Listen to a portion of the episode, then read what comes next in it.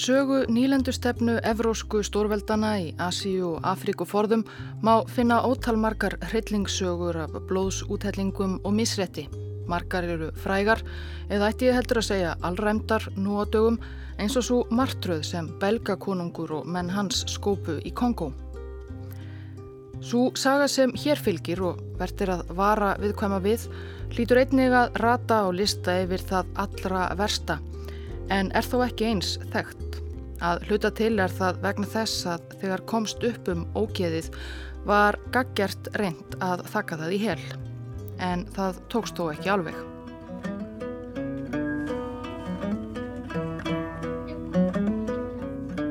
Á ofanverðri 19. öld fóru frakkar að leggja undir sig landsvæði í Afríku af miklum móð eins og fleiri stórveldi Evrópum.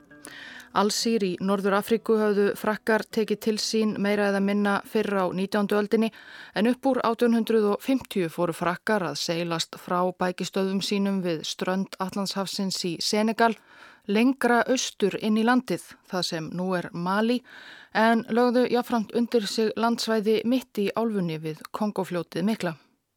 Millir þessara yfirráðasvæða frakka var lengi eigða í nýlendukortinu við tjatvatn, mikið stöðvatn, svo að segja í miðri álfunni vestanverðri. Þar reyður ríkjum ílskeitir, þjóðflokkar og þrælasalar var mál manna. En allt í kring voru Evrópuríkin óðum að sölsa undir sig land og á síðustu árum 19. aldar var það orðið mál manna að brettar sem áttu ímsar lendur hér og þar um Afriku litu tjatvatn hýru auga væru kannski jafnvel þegar á leiðinni að leggja það undir sig og frakkar spurðu var hægt að láta það gerast.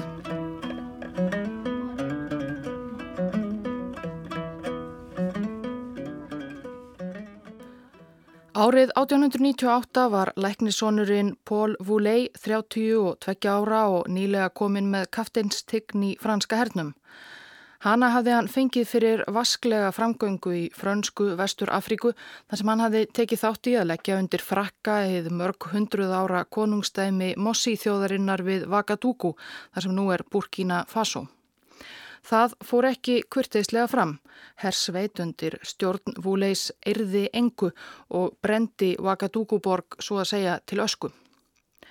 Að loknum aðgerðum í Vagadugu 1897 sneri Vúlei á samt mönnum sínum heim til Fraklands. Venjan var að herfóringjar í nýlendunum fengju nokkra mánuði í frönsku sveitinni til að jafna sig á erfiðisvinnu og loftslæginu þar siðra. En Vúlei þessi var metnaðarkjarn. Og allir vissu að einn auðveldasta leiðin að frama í franska hernum á þessum tíma var í nýlendunum. Maður þurfti lítið að gera nema leggja undir sig nokkur krummaskuð og þykjast færa myndum villimönnum franska siðmenningu til að fá stöðuhækkun á stöðuhækkun ofan. Svo Vúlei hafi lítinn huga á því að taka því bara rólega í sveitasælunni. Hann fór strax að leggja drög að nýju ævintýri í Afríku og það sem hann vildi gera var einmitt að sameina nýlendur frakka í Afríku, fara frá strönd Allandshafsins í Senegal og alla leiðað tjatvatni og gera um leið stóran hluta vestanverðarar Afríku að frönsku verndarsvæði eins og það var orðað pent og koma í vekk fyrir að brettar gætu brotistar til valda.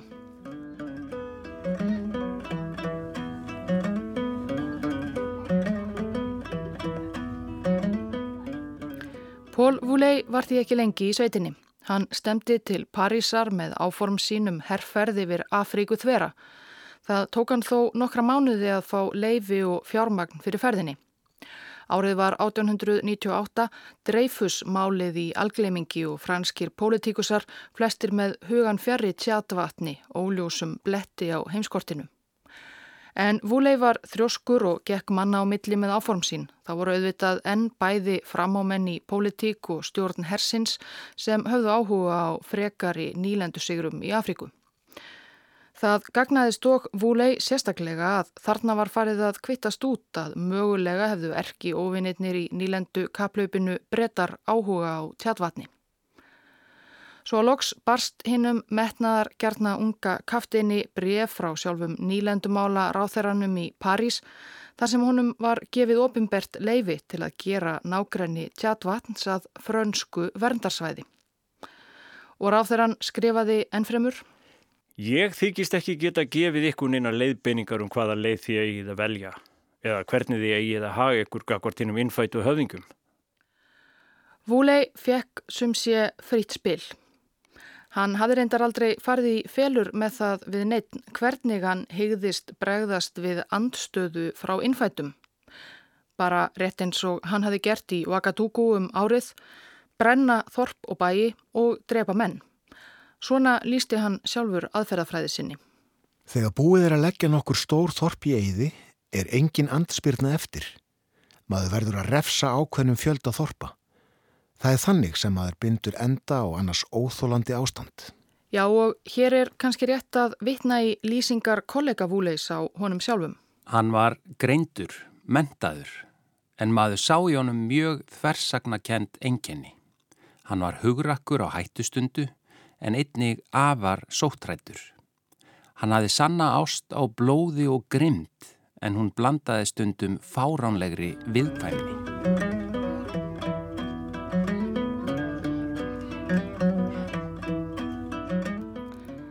Með sér í ferðina fekk Vúlei örlítið yngri félagasinn frá Vagadugu, lautinant Julien Chanoine. Hann var sonur herrmálar á þeirra Fraklands, álíka metnaðargjarn og álíka ofyrirleitin má ætla. Þeir lögðu af stað frá Dakar í Senegal í höstbyrjun 1898. Þeir voru alls ekki aleinir á ferð með í för voru sjö franskir offiserar, allt ungir og upprennandi menn. Þá voru þeir með 30 tólka, 140 senegalska hermenn, 400 manna hjálparhersveit og 800 burðarmenn.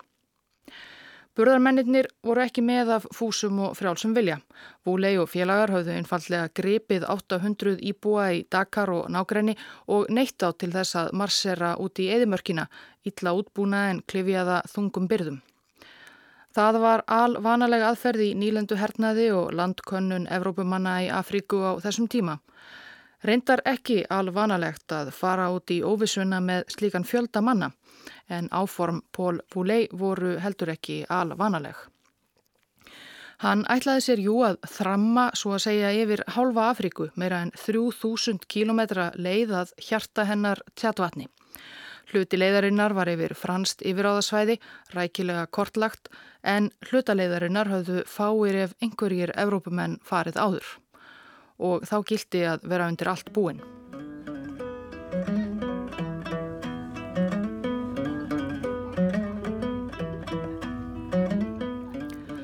Fyrstu dagana gekk ferðin í austurátt greitt í gegnum landsvæði sem var rækilega á valdi franska heimsveldisins. Í lóks eftember voru leiðangursmenn komnir til bæjarins Kúlikóru við bakka Níkerfljótsins sem nú tilherir Mali, ekki langt frá höfuborginni Bamako og um 600 km suðvestur af henni fornu Timbuktu. Níkerfljót, þriðja mesta vassfall Afríku og eftir Níl og Kongo á upptök sín í hálendi Gíneu tekur svo rúmlega 1000 km langan sveig í norðaustur áður en það rennur svo í söður. Það er eiginlega hálfmánalaga og svo út í Allandshafið í miklum árósum þar sem nú er Nígeria. En hér í bænum Kulikoro skiptu leiðangursmenn liði og fórsprakarnir tveir þeir Vúlei og Shanwan kvötust. Vúlei og lítill hluti herliðsins ætluðu sér að fylgja bugðunni niður fljótið í litlum seglbátum og prömmum, flytja þannig mest af þeim farangri sem þeir voru með í förr. Á meðan átti Sjanuan að fara yfir fljótið með megnið af herliðinu og halda áfram fótgangandi, beint austur yfir þurra jörð vestur Afríku, þar til þeir mættust á ný þar sem fljótið færi að renna í söður.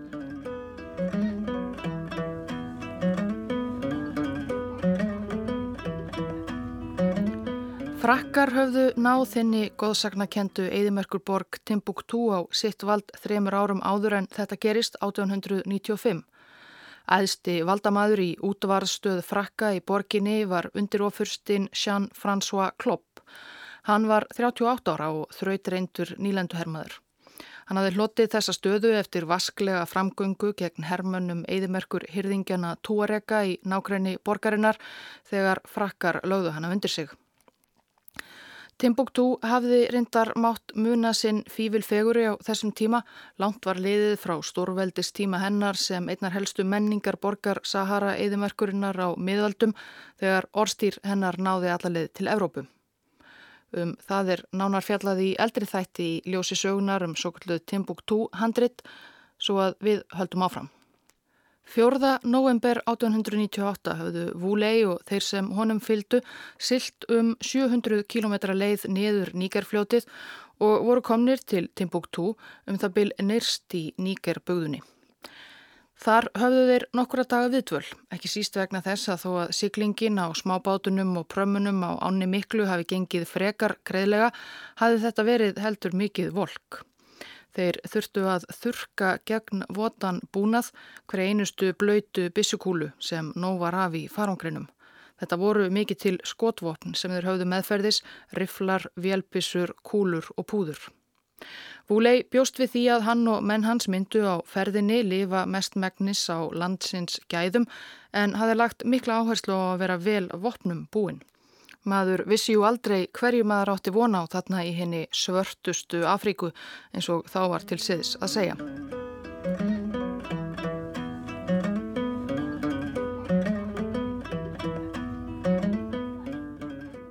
Fóringin í Timbuktu, Jean-François Klopp, eldri og reynslumeiri en Paul Vouley, tók vel á móti landa sínum og kollega á meðana sjálfsögðum. Klopp var annars heldur skeftískur á áform hans. Ekki síst á því hversu leiðangurinn var fjölmennur. Eins og fyrir segir var það ofennulegt. Það var miklu auðveldara, viðræði klopp við vúlei, að ferðast í gegnum erfitt óþægt landslag með færri menn. Þá væru alltjent færri munnar að fæða. En ríklega var engu tauti við vúlei að koma. Hann var búinn að gera upp hugsin hvernig leiðangurinnum erði framhaldið.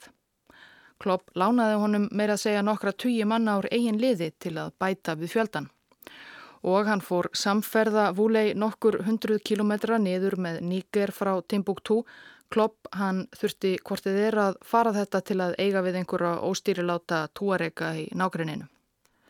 Heimildum ber ekki alveg saman um hvernig þeim kom saman þeim Klopp og Vúlei þarna en þegar leiðir loks skildu við Ann Songo þar sem Nígerfljótið fer að streymanna er beint í suður í áttað Allandsafinu, ritaði Klopp alltjent í tagbók sína Ég hef áhyggjur. Vúlet virðist æða áfram án þess að vita hvað hann er að gera.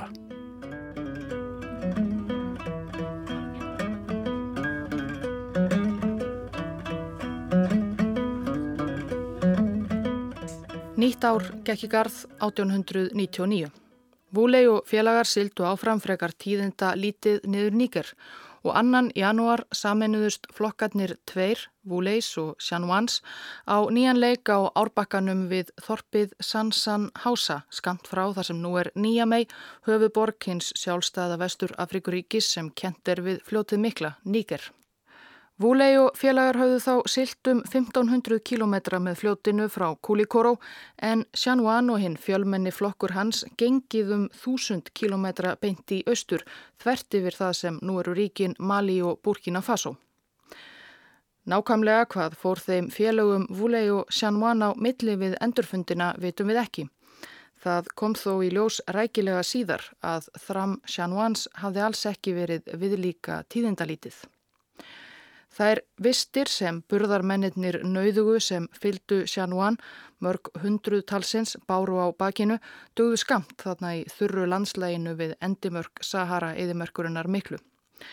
Enda voru þeir ekki með sérlega mikið að vistum, líkt og burðarmenn Vúleis báruð þeir aðalega vopn og bissukúlur.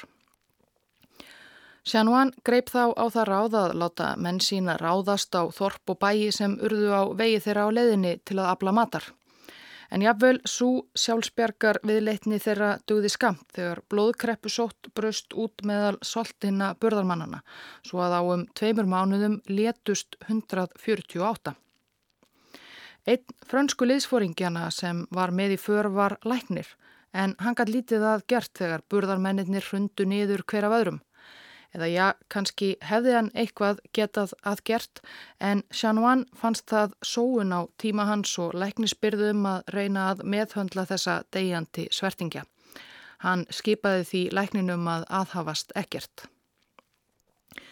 Þeir burðarmenn sem ekki sættu sig við þessi nöbru örlög og reyndu að flýja eða gáttu ekki meir sökum hungurs, þreitu og sjúkdóms let Shanwan svo einfallega skjóta öðrum til varnaðar, já, eða hálshákva. En það lítið mála að finna menni þeirra stað í þorpunum sem hersveit hans lagði í rúst á leiðsinni yfir skraufþurra sléttuna. Af högvin höfuð myrtra burðarmanna voru nótu til þess að hræða fólk til hlýðni. Þegar Sjanuan og Vúlei hittust aftur var hinn fyrrnemdi því með gríðar fjölmend lið manna á eftir sér, eitthvað á bylinu 6 til 800 burðarmenn og 360 innlenda hermenn. Í herbúðunum sá maður ótrúlega sjón. Stort torg umkringt þyrnirunum, þar sem þeir höfðu lokað inni 800 innfætta burðarmenn. Ég segi 800 en það er vísast ránt því blóðkreppu sóttar faraldur hafði þegar heimt mörg líf. Pól Jóland, lautinant sem hafði silt niður nýger með Vúlei, skrifaði síðar endurminningar sínar um leiðangurinn. Aldrei fyrir en þá hafði ég séð nokkuð svo ömurlegt. Flest fórnalampana voru nakin, þó að á þessum tíma árs var ég kallt á nóttunni og á modnana. Á öðru afgýrtu svæði voru fangarnir sem teknir hafðu verið á leiðinni. Jóland þótti þessi sjón ömurleg en hvort að Vúlei hafi gert það, já það verður að teljast ólíklegt.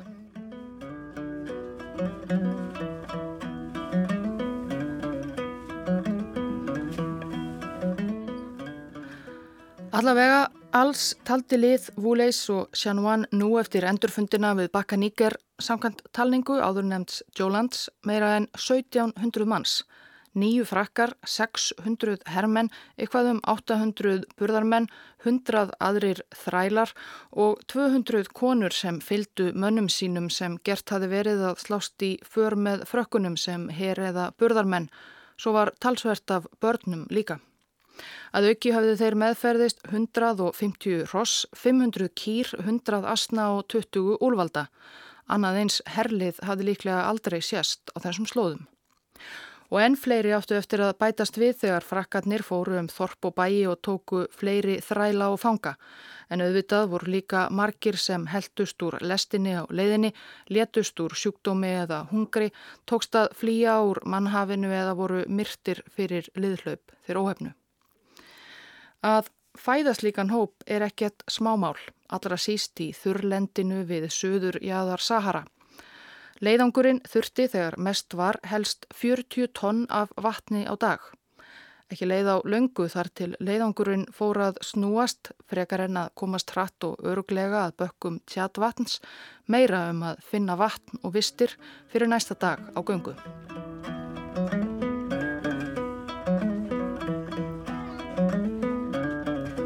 Endurminningar Póls Jólands eru með fáum heimildum um leiðangur nafna hans Vúleis og Sjanuana tjatvatni sem ritaðar eru af þáttakendum.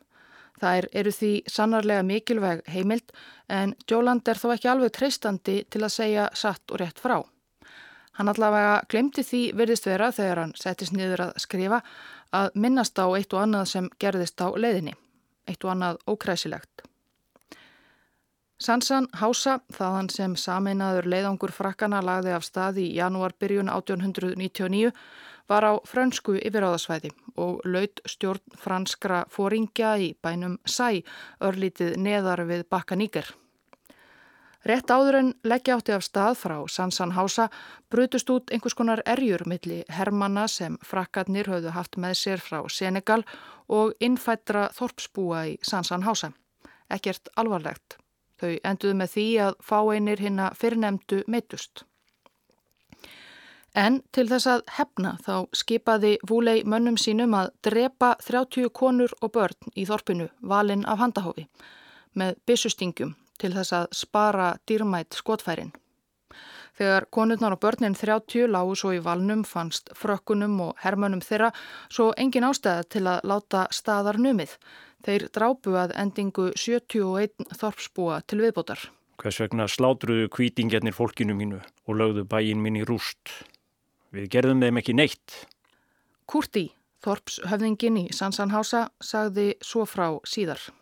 Ég leta á hafa allt sem þeir báðu um. Þeir sögðu mér að útvöða sér sex hesta, og 30 nautgripi á þremur dögum. Það gerði ég. Samt drápuðir alla sem þeir gáttu. 101 karlmann, konur og börn.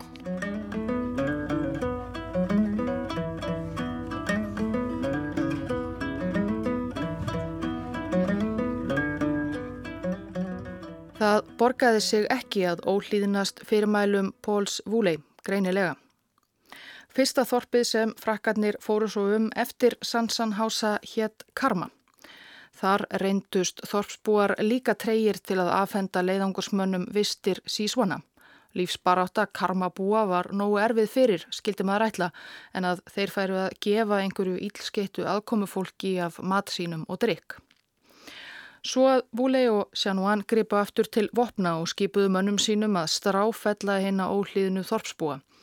Nokkrir óviljur hermenn sem ekki vildu taka þátt í átökunum og reyndu að flýja voru svo teknir af lífi. Hausar látnir fjúka. Aldrei verðist vera skiptið að þá félaga Vúlei og Sjanúan miklu máli að þorpsbúarnir og bændurnir sem þeir rændu, nöðkuðu og drápu töldust vera franskir þegnar. Evrópumenn hafðu farið um þetta svæði áður og Vúlei hafði þegar hann skipulagði leiðangurinn heima í Fraklandi gerð sér í hugarlund að í hverju þeirra litlu þorpa sem fyrirfundust á kortum hans myndu hans býða vatn og vistir fyrir leiðangursmenn sem hann gæti gengið að. Raunin á vettvangi varð önnur.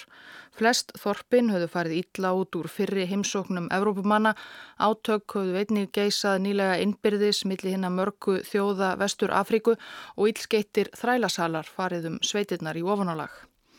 Þorpin á kortum Vúleis voru því mörg lítið annað en rústir einar, þorpsbúar sjálfur aðframkomnir, brunnar og vassból upp urin eða eðilögð. Þetta varð aðeins erfiðara en Vúlei hafði gert sér í hugalund. Aðeins örfáum dögum eftir að hersingin lagði af stað frá Sansan Hása var það orðin hinn opimbera lína frá fransku fóringunum að reyna barasta ekkert að tjónka við innfæta heldur ræna bara á röpla því sem hægt værið að fá. Hermenn hlutu lof og prís fyrir að færa Björg í bú, það er fyrir að stela, drepa og almennt svífast einskis.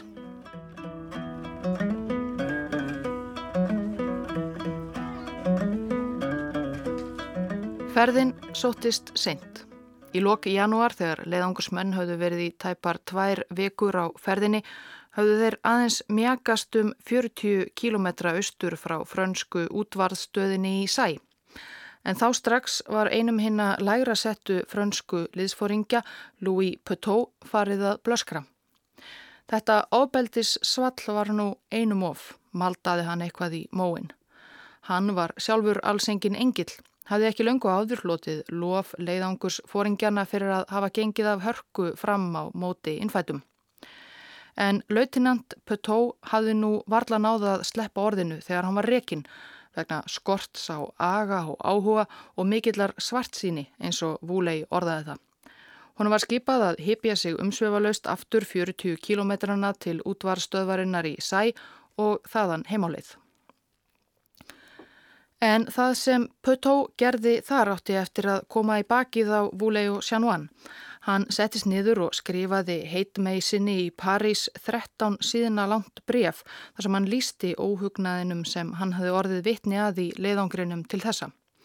Pötó lísti meðal annars blóðs úthellingunum í Sansan Hása þegar Vúlei hafði látið stráfella konur og börn sem hemd fyrir nokkrar skeinur á eigin hermunum og drápunum og óhæfuverkunum sem Sjanúan og flokkur hans frömdu á landleðinni.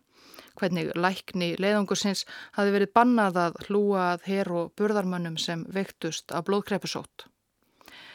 Hryllingurinn var slíkur, skrifaði Petó, að innfættir stökkonu á flóta við það eitt að sjá glitta í þrílitan fána Fraklands og var það ekki að undra svo sem.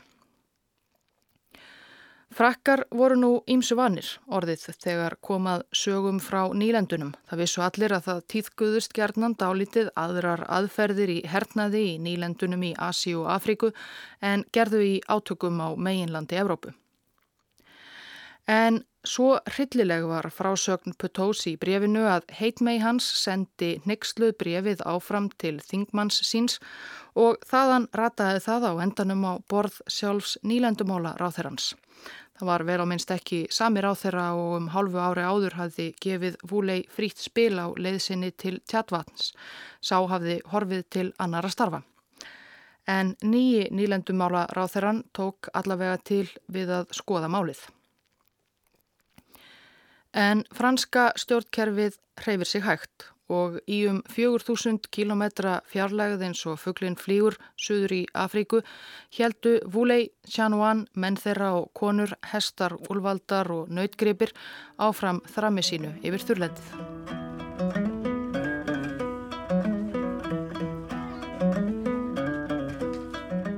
Og áfram sóttist ferðin í austur sent. Vulei og Chanuan voru nú sífælt að nema staðar. Það þurfti að leita að vatni og æti. Menn veiktust auðveldlega í steikjandi eðimerkur hitanum. Hann fór yfirleitt alltaf yfir 40 gráður. Sérstaklega kvítingarnir og þeir þurftu að ná að jafna sig áður en áfram var haldið og svo framvegis. Í februarlokk særðist Vúlei þegar ör hæfði hann þegar menn hans réðust á og lögðu í rúst þorpað nafni Díun Díu. Eftir að hafa myrt þorpsbúa eða hrakið á flótta komu leiðangursmenn sér fyrir í þorpinu og dvöldu þar í tvær vikur á meðan Sár Vúleis var að gróa. Á meðan skipaði hann mönnum sínum áttu þeir að nota það sem eftir var af mannvirkjum í Díón Díó til að æfa sig í hernaði í slíkum þorpum. Það tafði líka ferðina að Vúlei stóð þegar þarna var komið sögu í frekar tíðum brefaskriftum við landa sína í bækistöfum Frakka í Sæ. Fregnir af fjöldamorðunum í Sansan Hása höfðu borist þangað sem og fleiri og fleiri frásagnir af voðaverkum Vúleis og Sjanúan og manna þeirra í nærlikjandi þorpum. Herfóringar í Sæ sendu því sendibóða með skeiti til Vúleis Það var ekki sérlega erfitt því á mörgum vikum hafi leiðungurinn jú bara mjagast einhverja 20 kílometra. Sögusagnirnar af óhefuverkum landa þeirra voru vitaskuld óhugulegar í eirum frakkana í sæ en þó meðal þess sem fekk á þá einna helst var að þeim bárust ekki lengur skattgreðslur frá Sansan, Hása og öðrum markaðsþorpum í grendinni því þau hafðu Vulei og Sjanwan jú lagt í rúst og myrt flesta skattfæra menn.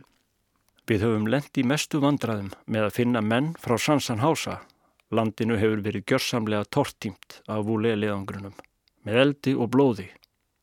Þeir fáu íbúar sem lifðu af fjöldamorðin í þeim fáu þorpum sem ekki voru brendi grunna, hlupu í felur um leið og þeir sáu franska fánan. Og það begja vegna nýger.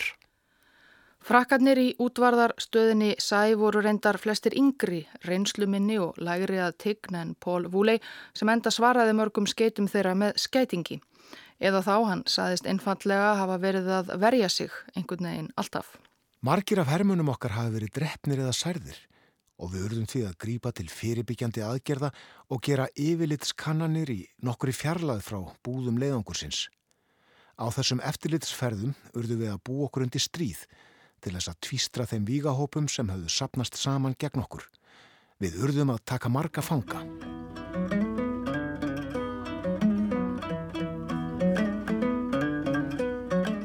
Fymtánda apríl gaf Vúlet loks skipunum að halda aftur af stað.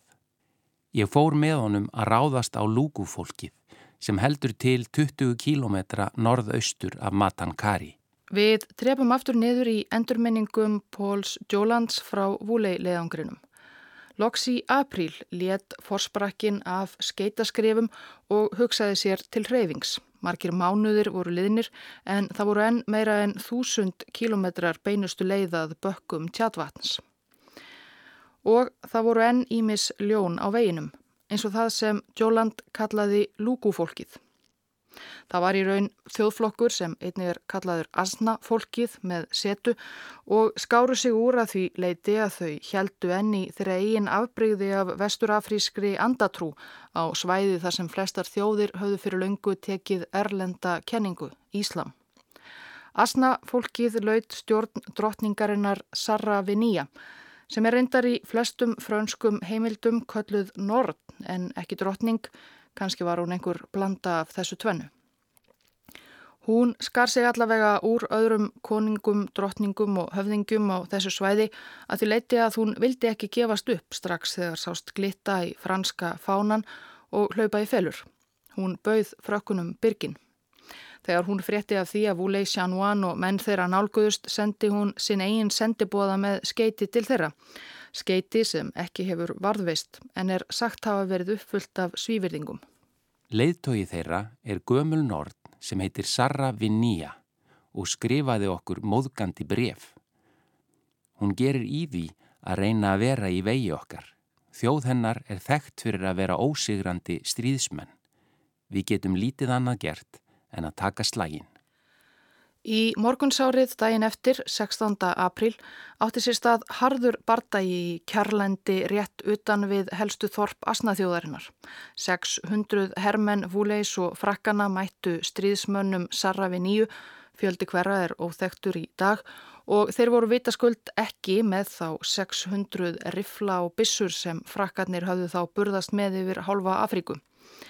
Hinn er ósigrandi stríðsmenn Sarafi nýju áttu við ofurrefli að etja og urðu auðvitað að játa ósigur á endanum. Hversu margir þeirra fjallu? Óvist.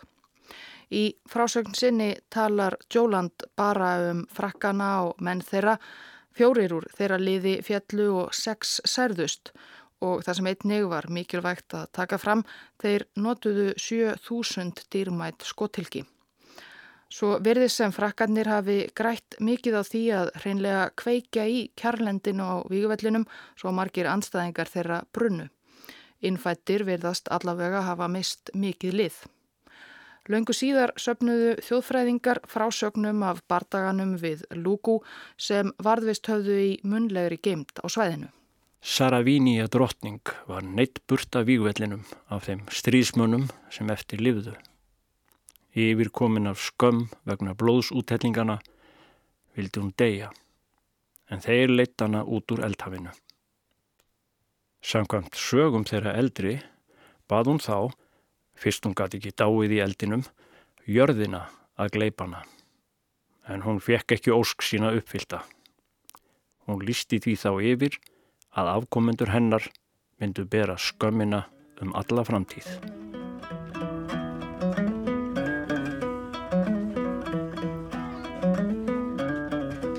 Saravinía drottning er í dag hetja í augum margra íbúa Níker og víðar í Vestur Afriku.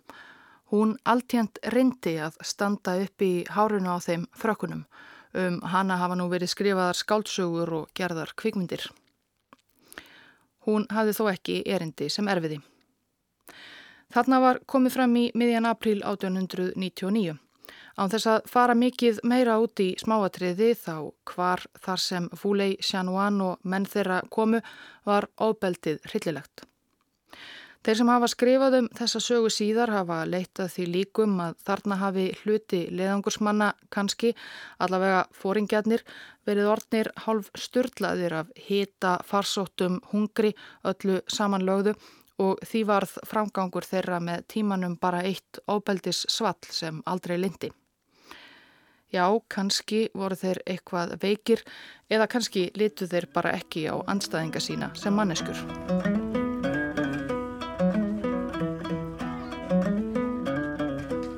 Um miðjan april 1899, einmitt þegar Vulei og Sjanwan voru að berjast við Saraviníu drottningu, var bref lautinants Petós eftir langa ferðum franska stjórnkerfið loks komið á borð nýlendumálar á þeirra og ríkistjórnar Fraklands.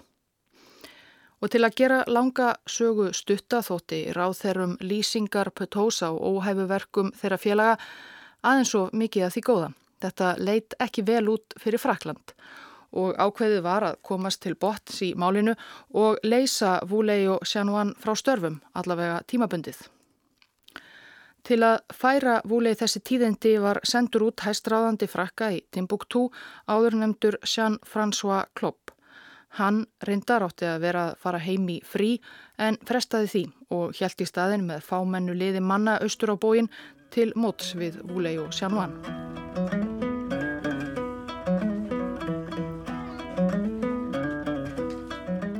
Klopp átti ekki í neinum sérstökum vandræðum með að rekja slóð þeirra. Hann ægði að renna á lyktina af brennandi þorpum og rótnandi líkum. Klopp helt dagbók á leiðinni. Kom í lítið þorp, brent, fullt af líkum. Tvær ungar telpur hengur úr trjágrein. Ólíktin er óbærileg. Ekki nægilegt vatn í brunnunum fyrir menn mína. Skepnurna drekk ekki. Vatnið er mengað af líkunum. Samtímið sen langt fjari á Englandi hafði rittöfundurinn Joseph Conrad nýlokið vinnu við bókina Innstu myrkur, Heart of Darkness. Þar segir frá bátsmanninum Marlowe sem siklir upp Kongofljót til að ná í nýlendu fóringjan Kurtz sem virðist hafa störtlast eftir langa veru inn í frumskóinum. Kurtz lítur á sjálfan sig sem guð yfir hinnum innfættu og beitir þá svo heftarlegu ábeldi að jáfnvel belgísk nýlendu yfirvöld fara hjá sér. Þegar Marlowe er loks komin á leiðarenda reynist Kurtz ítla veikur og deyr skömmu síðar. Marlowe snýr aftur tómhendur. Ótrúlega svipuð atbörðarás átti sér stað í raun og veru í Vestur Afríku en Jean-François Klopp reyndist ekki eins auðvelt að góma Pól Vúlei. Í júli í nákrenni borgarinnar Sinder í Níger fekk Klopp loks þær fregnir að það væru aðeins nokkrir kílometrar í Vúlei og félaga. Hann sendi sendibóða með bref til liðsfóringjana tvekja og tilkynnti þeim að hann væri komin að handtaka þá og taka við stjórnartömunum. Klopp barst svar um hæl. Vúlei saðist vera með meiri mannabla og fleiri vopn en hann og myndi ekki hika við að skjóta kemi hann nær og næstu daga bárust fleiri bref með sömu skilabúðum. Þrátt fyrir þessar ítrykkanir helt Klopp ótröður áfram. Vúlei var ju ekki einn, hann var með átta undirmenn sína trygga frakka. Klopp trúði því ekki að þeir myndu láta líðast að skotið yrði á landa þeirra og kollega. En Vúlei hafði reyndar haldið brefi Klopps lendu og sendt hina kvítu liðsforingjana í burtu í einhvern tilgangslausan leiðangur. Þegar Klopp mætti loksins í fullum herskrúða franska hersins og með orðu frönsku heiðursfylkingarinnar nælda á brjóstið, þá var Vúlei einn umkringdur aðeins sínum tryggustu senegölsku hermunum. Og það fór eins og hann hafi varað við, þeir skutu og drápu Klopp án þess að hika. Um kvöldið snýru frönsku liðsforingarnir aftur, fundu lík klops á jörðinni og urðu nokkuð undrandi. Vúlei hafi drepið kvítan mann, annan frakka. Þá virðast þeir loksafa áttað sig á því að yfirmenn þeirra væru líklega ornir eitthvað sturlaðir. En Vúlei brást ítla við gaggrinni. Í geðsræringu reyfan orðurnar, tignarmerkin og annað prjál af enginnisbúningi sínum spratt fram og byðlaði til senegölsku hermana sinna. Nú er ég útlægi. Ég þvæ hendur mínar af fjölskyldu minni, af landinu mínu. Ég er ekki lengur franskur. Ég er svartur höfðingi. Afrika er stór en ég er með bissu og nóg af skotfærum. Með ykkur stopna ég nýtt afríst heimsveldi. Þeim leist þó ekki vel á þessa hugmynd. Senigölsku herrmennir gerðu uppreist og þegar dagaði næsta morgun lágu bæði Paul Vouley og Julien Chanoine í valnum. Eftirlifandi aðstóðarmadur Klops tók þá við stjórninni á samt frönsku liðsfóringunum sem enn lifðu. Svo helt leiðangurinn bara áfram, nokkun veginn eins og ekkert hefði í skorist. Það var jú markmiðið að komast að ströndum tjatvatns og þangað náðu frakkarnir loks vorið 1900. Það þótti mikið afreg, sannur kvalreki fyrir franska heimsveldið. Fregnir af ódæðisverkum Vúlei og Sjanván rötuður endar í frönsku blöðin og vöktu nokkra neykslan. Aðalega þetta með morðið á klopp, en svo neykslan varði ekki langlýf. Liðsfóringjarnir eftirlifandi öðluðust fræð og framæðinan hersins. Sönn saga þeirra var hins vegar þögguð niður. Franski herin mátti ekki við öðrum skandal eftir dreifusarmálið. Skrifaðar frásagnir þeirra sem urðu vittni að þessum atbörðum eins og minningar Jólands sína að þeir óttuðust eftirmála, mögulega refsingu, svo að þeir sleftu því að minnast á það allra versta. Þeir þurftu þó ekkert að óttast það urðu engin eftirmál. Loka niðurstaða franskra stjórnvalda var einfaldlega að hitanum væri um að kenna. Það hefði verið svo óskaplega heitt að Vulei og Sjanuan hefði mist vitið. Og þess vegna hefði Vulei myrt kollega sinn klopp, já og hundruð eða þúsundir saklausra karla, kvenna og barna.